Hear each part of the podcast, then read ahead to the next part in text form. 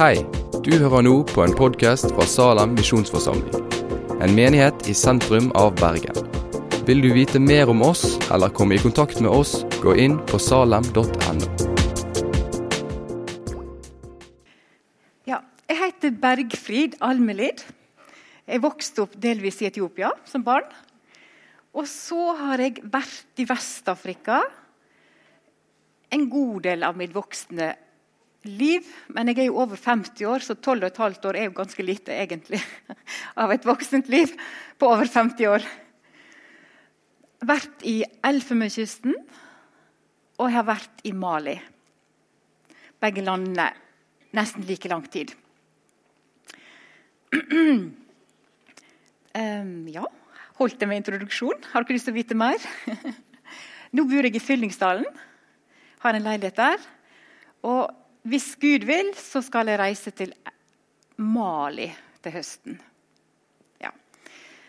Um, det har jo vært så mye fint i møtet allerede, syns jeg. Både gjennom sanger og det som er blitt sagt. Og jeg sa det nå på bønnmøtet, at jeg ikke ja, egentlig så må jeg ta litt til meg sjøl i dag, rett og slett. Så sånn er det. Av og til så har vi en sorg i hjertet eller en motløshet. Og vi er ikke alltid på ti på topp selv om vi liksom skal tale. Sånn er det bare. Lyden av ei skir stille. Og så har jeg glemt manuset mitt. Du skulle så at jeg endevendte veska mi. på kryss og tvers og sånn, og lufta og Bibelen alle veier. Så var det for at jeg ikke fant manuset mitt. Så da må dere bare be om at jeg må bare glemme det jeg ikke skulle si, og at jeg må huske det jeg burde iallfall si. I alle fall et av hovedpoengene bør jeg iallfall ha med. Snakker jeg for fort? Gunvor? Går det bra? Snakker jeg for fort? Du må si fra, for folk sier ikke fra før etterpå. ja. Det var Jonas som tok fram eh, dette her som et sånt tema for talen. da. Lyden av ei skir stille, som det heter på nynorsk. Og det er ikke det samme ordet faktisk på bokmål. Lyden av en skjør stillhet. Gresk en tynn, en syltynn stillhet. Og så har de leita etter ord som kan fange opp hva er lyd av en syltynn stillhet. Det er paradokset. Lyd og stillhet. Hva er det som skjer? Det er egentlig ikke den teksten som er hovedteksten hvis du går i Den norske kirke i dag. Men den møtte meg sånn, den treffer meg sånn i mitt liv, så jeg tenkte nei, det er den jeg skal ha i dag. tenkte jeg. Men vi skal ta en liten sånn skråblikk bort på det som er en av de andre tekstene som blir lest i mange kirker i dag og blir preikt over. Og jeg må bare liksom Den er fra Johannes 16. når det er Jesus som sitter ned og forbereder disiplene sine på ganske tøffe ting som skal komme. Og Han kan ikke si dem alt engang. Og så sier han for dere kan ikke bære det nå. Det undrer meg sånn at han sier det. Og så tenker jeg også med den teksten som vi har sett på med Elia. Hvordan Gud porsjonerer ut ting. Sånn at vi skal få lov til å ta ting i vårt tempo. Og at Gud han gir oss ting som er dosert. Men så begynner han å snakke om han som skal komme. Sanningsanden. Han skal leie dere fram til hele sanninga. Det står et slag om sannhet òg i den teksten som vi leste. Han skal ikke tale av sitt eget, men tale det han hører, og fortelle dere det som skal komme. Han skal herliggjøre meg, for han skal ta av det som er mitt, og forkynne for dere. Han skal herliggjøre meg. Og så tenker jeg at den samme personen som skriver denne boka, her, Johannes, han skriver vitner at vi så Jesus sin herlighet. Og den var full av Er det noen som husker det? Nå kan vi ha en sånn interaktiv greie her, da. Jesu herlighet var full av nåde og sannhet. Og så tenker jeg det er kanskje den Jesus som vi må få lov til å møte når vi òg er på slagmarka i vårt eget hjerte. Det er han som vil møte oss, og det er kanskje ved Den hellige ånd som kvisker det inn i våre hjerter. At det fins en nåde, det fins noe for deg akkurat der som du er akkurat i livet ditt nå. Ja, Nå har jeg sagt det viktigste poenget, ikke det? så nå har jeg iallfall sagt hovedpoenget. Av og til glemmer jeg det. Konteksten for Elia To kongedømmer var det blitt. Kong Salomo hadde bygd dette her herlige tempelet der hele israelsfolket skulle tilbe og ofre til Herren. Så døde kong Salomo, og der ble riket delt i to. Tempelet var i sør, i Judariket, Jerusalem. Kongen som kom i nord, han tenkte abs, hvis de skal reise til Jerusalem og tilby inn i tempelet der, så kommer de vel til å vende hjertet sitt til judakongen. Han lagde to gullkalver, og så sa han til folk her er gudene deres som førte dere ut av Egypt. Og så begynte de å tilbe guder som ikke kunne høre. Det kom mange konger etter denne kongen i Nordriket, Israel. Det er ett den ene etter den andre så står det om det at de gjorde det som vondt var i Herrens øyne. De gjorde ras, Herren rasende, står det til og med.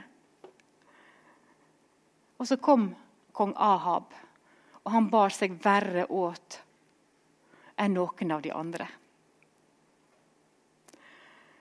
Ikke bare drev han på med kalvene, gullkalvene. Han innførte også dyrking av Bal.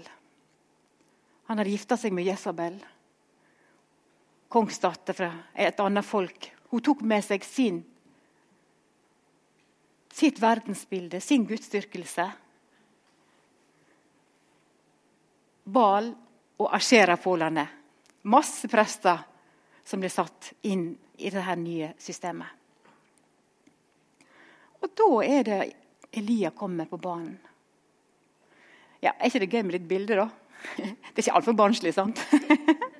Jeg er, så, jeg er litt barnslig. Jeg kommer, aldri, jeg, kommer, håper, ja, jeg kommer, nok til å drive med bilder hele tida, tror jeg. Han har et budskap til kong Ahab. På de første årene nå så kommer det ikke til å komme verken dogg eller regn utenpå mitt ord. Det står egentlig ikke at han er profet, det står bare en innbygger fra Gilead. Han tar opp en kamp. Et slag. Hvem er det som er Gud? Jakobs brev der står det at Elia han var et menneske under samme kår som oss. Og Det er helt vanlige folk som Gud bruker i sitt rike, i sin tjeneste. Helt vanlige folk. Han var akkurat under samme kår som vi. Og Om han hadde bedt på forhånd, vet jeg ikke, eller om han gjorde det etterpå. han hadde vært hos kongen. Men han ba inderlig om at det ikke skulle regne. Og i tre år og seks måneder falt det ikke regn på jorda. En mann under samme kår som vi. Så det er liksom Ja, husk å be, folkens, sier Jakob. ikke sant? Når han ba, ba, så kan vel du òg be? Og så leser vi om hvordan Gud sørga for han. Han snakket til ravnene. De kom med mat morgen og kveld. Og det var både karbohydrat og protein. og når bekken der Gud hadde sagt han skulle gjemme seg, gikk tørr, så snakket han til ei enke. Kanskje i den skjøre stillheten. For Gud sa til Elia, jeg har, snakket, jeg har sagt til ei dame at hun skal sørge, ei enke i Sarefta at hun skal sørge for deg.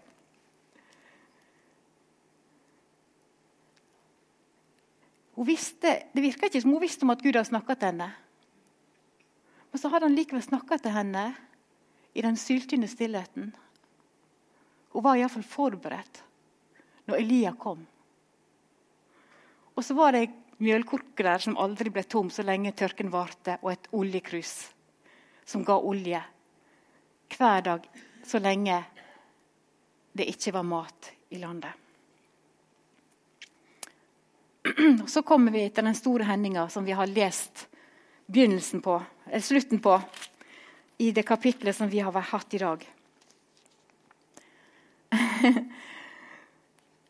det store kraftmøtet oppå det fjellet, Karmelfjellet med 850 profeter for Bal og Ashera. Og så er det en enslig mann som står på andre sida, som skal kjempe Guds sak. En sånn kraft. Kraftmøte. Og så kommer ilden over offeret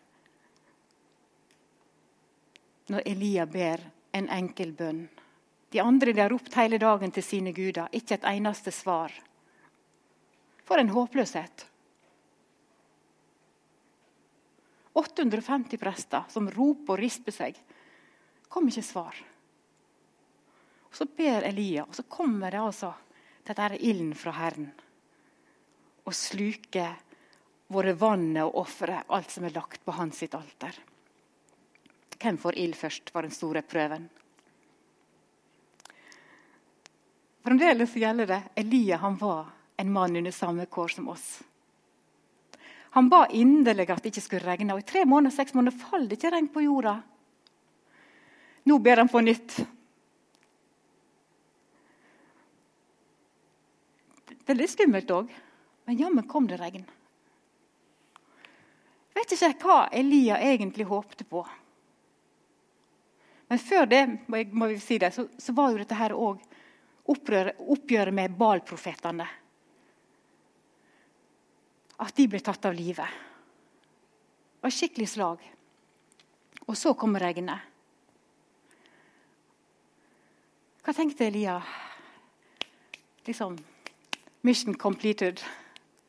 Nå må vel folk skjønne hvem som er Gud. Nå må det vel skje en forandring i dette landet. Jeg har stått sånn på. Nå må du vel skjønne, nå har jo Gud gjort det enorme greiene der. Og at regnet kommer. Det var under alt. Det er et mirakel. Nå må det skje en forandring i denne nasjonen her. De forstår hvem som er Gud. Og det er nå vi kommer inn i vår tekst. Dronninga får vite hva som har skjedd med hennes sine prester. Og så begynner hun å sverge. Gudene, la det gå meg ille, både nå og siden. Om ikke det går med deg som du har latt det gjort med profetene mine på denne tid i morgen. Og så sverger hun med de gudene som nettopp nå har vist seg kraftløse. skjønner ikke hun. Har ikke hun liksom skjønt noe? Men det er noe med at det her er hennes kultur. Det er det hun har vokst opp med. Sånn er det hos oss. Kan ikke gi slipp på det. Det er så masse rakende.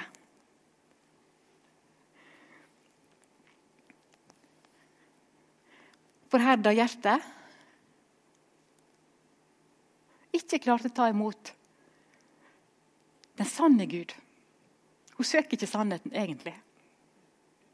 Hun søker bare på å holde på noe som er hennes sitt liv. Og Det har jeg sett så mange ganger òg. I Norge, i Afrika. Nei, har jeg hørt mange ganger blant Mao-folket. Våre forfedre valgte islam. Da ja, da må jo vi òg gjøre det, for de har jo valgt for oss. Og så er de kanskje nitære i sin utøvelse av trua. Men de er egentlig ikke nitære etter å søke Gud i sannhet.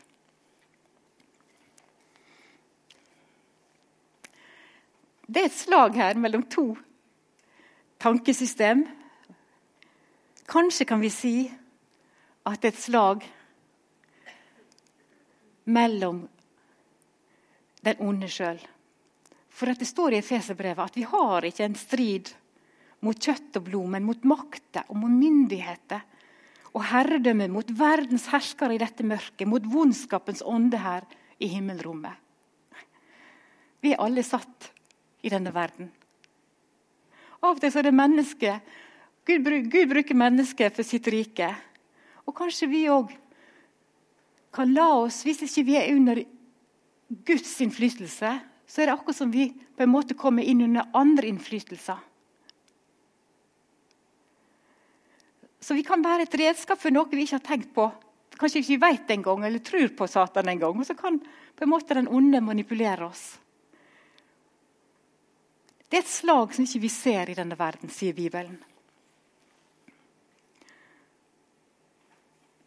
Men det er ikke menneske. Det, altså Jessabel hun er et menneske, hun òg. Men hun lar seg bruke til å forfølge en gudstjener. Bli sterk i Herren og Hans veldige kraft. Ta på deg hele Guds rustning, så du kan stå fast mot djevelens listige åtak. Karmelfjell òg. Gud og Satan, egentlig.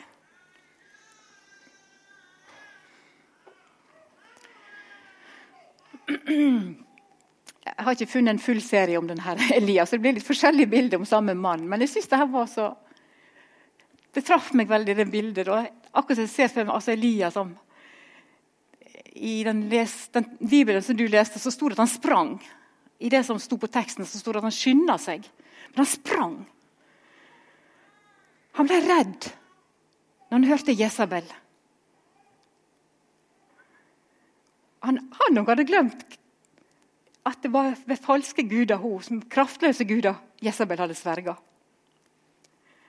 Og så sitter han der med armene sånn på denne kunstneren sitt bilde. Og Jeg ser for meg en sånn djup ensomhet. En slags eh, At det er akkurat sånn liksom, La livet sitt bare renne ut sånn. Hjertet hans ligger mellom hendene der. I mitt hode. en voldsom motløshet.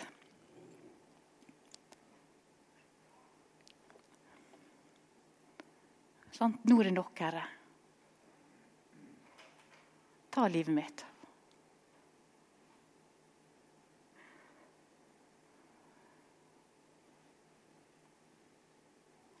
Jeg er ikke bedre enn fedrene mine.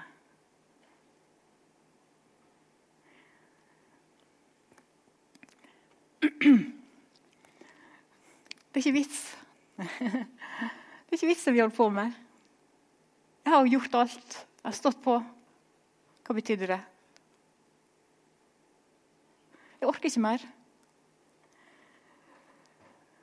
Og så er det liksom sånn Den kampen som var på en måte mellom to religioner eller verdenssystem liksom, Når plutselig har blitt veldig sånn personfokusert den, Det er et angrep som personlig på denne gudstjeneren som får, trøkke, får et trøkk på seg personlig.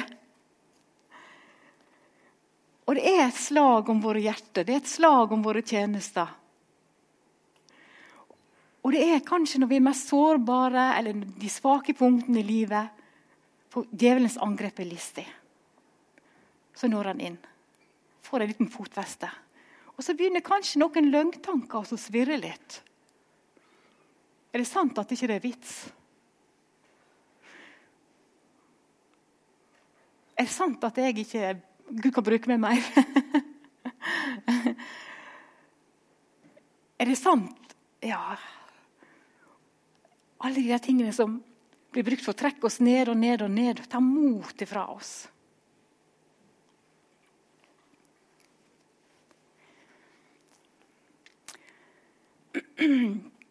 Han legger seg til å sove. Det er ikke så rart, egentlig. Han har jo sprunget. Han sprang fra Karmelfjellet og kom før kongen, enda han hadde hester. Det måtte ha vært en voldsom utladning, det der slaget på fjellet. Og så har han sprunget ei dagstur lei inn i ørkenen. Han må jo være helt utslitt. Han legger seg ned og sover. Og så tenker jeg på det vi sang i dag. altså, Vi har så mange fine sanger her.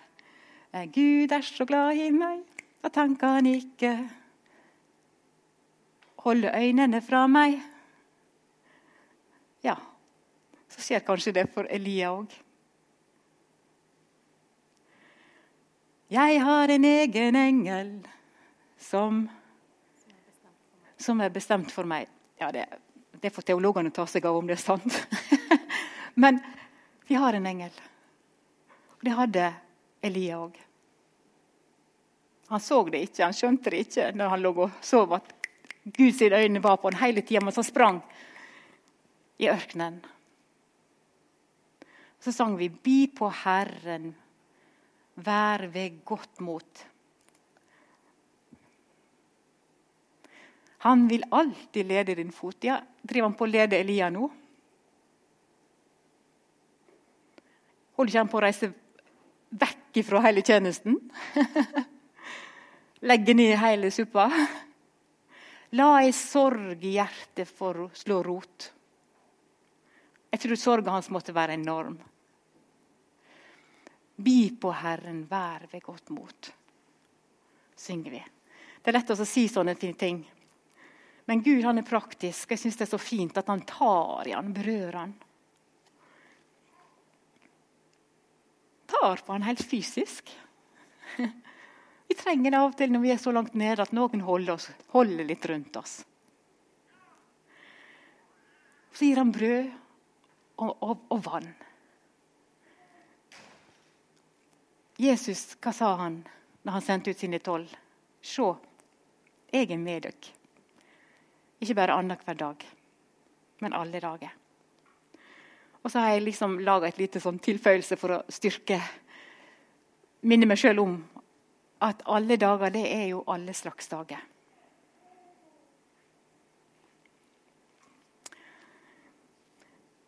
Det har vært mye ild med han eh, Elia. Det var ild på fjellet. og så står det om sier han senere at jeg var så nikjær for Herren. Altså, I den nynorske bibelen her så står det brennende iver. Jeg har vist sånn brennende iver for Herren. Det er ikke halvhjerta. Og det er jo litt fantastisk at han faktisk blir tatt opp til himmelen med en ildvogn til slutt. Men det er ikke vår tekst. Men så ligger han der, kanskje litt utbrent nå. Det er ikke rart, egentlig. Han har vært så brennende.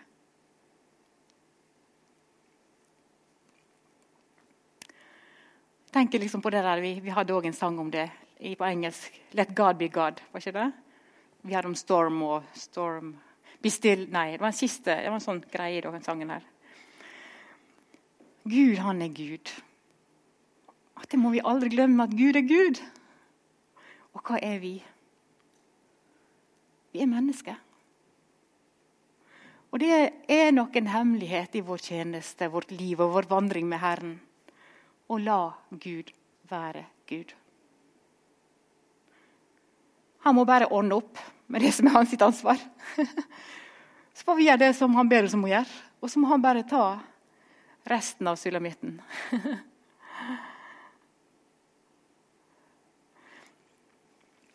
Han blir vekt opp en andre gang. Spis. Drikk. Og så, og så står det For ellers blir veien for lang for deg. Oi, skal jeg ut på gå? Er det noen vei? Ja, Gud han leder midt i dette her kaoset og mismotet. Så har ikke Gud glemt å lede. Guds ledelse er der. Han reiser seg opp og det må ha vært en voldsom driv igjen, for så styrkt av maten så gikk han 40 dager og 40 netter. Og det er akkurat som liksom han har fått en ny energi. Han er ikke ferdig med dette her slaget i sitt hjerte, tror jeg. Nesten så, Jeg vet ikke helt om det er rett å si at han vil stevne Gud, jeg, men nei, jeg har ikke peiling. Hva vil dere si? men han skal, i fall, han skal en plass. Han skal møte Gud. Han skal det. Nå skal han møte Gud. Moses var 40 dager og 40 netter på Gudsfjellet Horeb. Det er der han skal. Han går i 40 dager og 40 netter. Og Han kommer dit, og han går inn i ei grotte.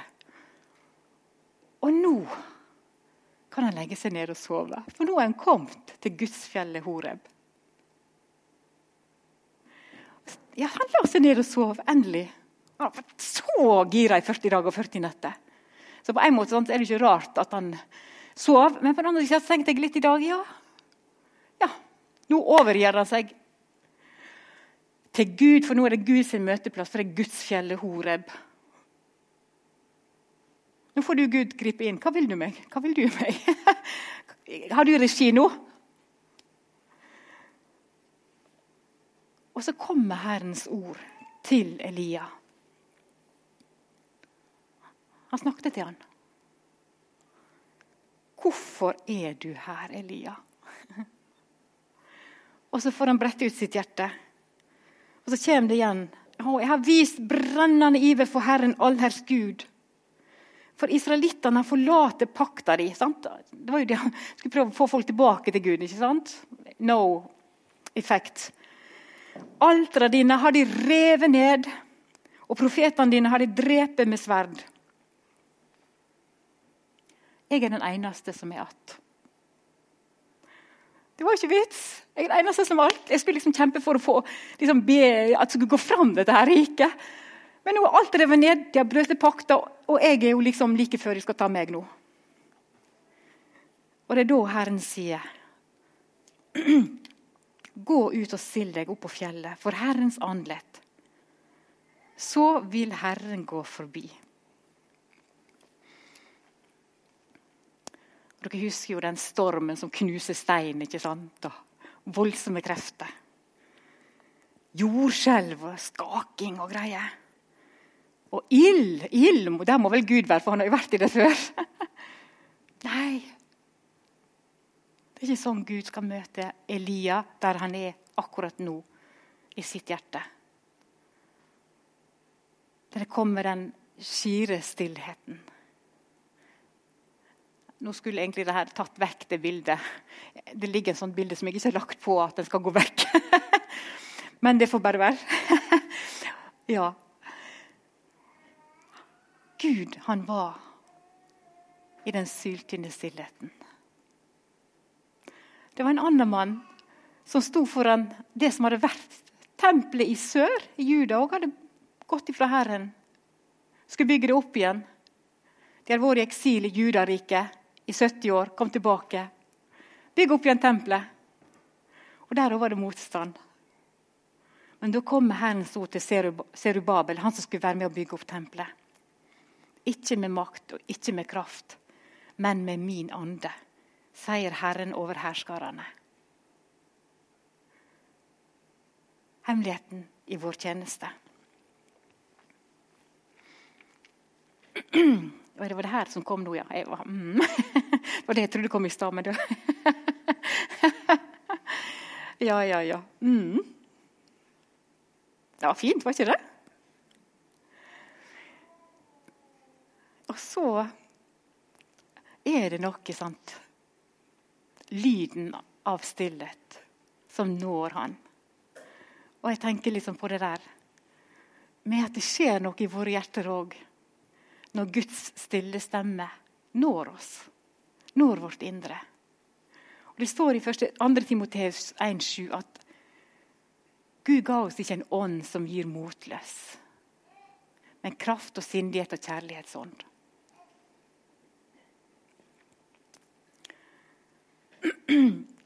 Vi snakket om sanningsanden helt til å begynne med. At Jesus sa at han skulle sende sanningsanden. Og det er noe òg med at den ånd, når han kommer i våre hjerter, så taler han sannhet. Det er så mye løgntanker som kommer og vil ta mot ifra oss. Men sanningsanden han skal snakke sant om oss, men om Jesus, om Gud, om tjenesten. Det er hans jobb. Hvorfor er du her? Hvorfor kom du her, Elia? Og så gjentar han det samme. Og så, nå, går vi litt ut av teksten, for dere lurer vel litt på hva som skjer da? so what? Han får faktisk en ny oppgave. Han blir reist opp til en ny oppgave. Gå tilbake igjen samme vei der du kom ifra. Og så skal du ta med salvingshornet ditt. Du skal salve en ny konge til arameerne. Og så skal du salve en ny konge i Israel. Det vil si Kongeriket til Ahab, Jesabel, er ikke for alltid. Jeg har kontrollen. Det er slutt en gang. Det er ikke for evig. Ahab og Jesabel og Bal. Og så skal du salve én person til. Du tror at du er den siste profeten. Tror det er slutt, liksom. Mitt rike. Du skal gå og salve Elisha til profet etter deg. Og så går han av gårde til tjeneste, blitt reist opp av Herren. Blitt møtt i sitt djupeste innerste, for sånn er Herren med oss.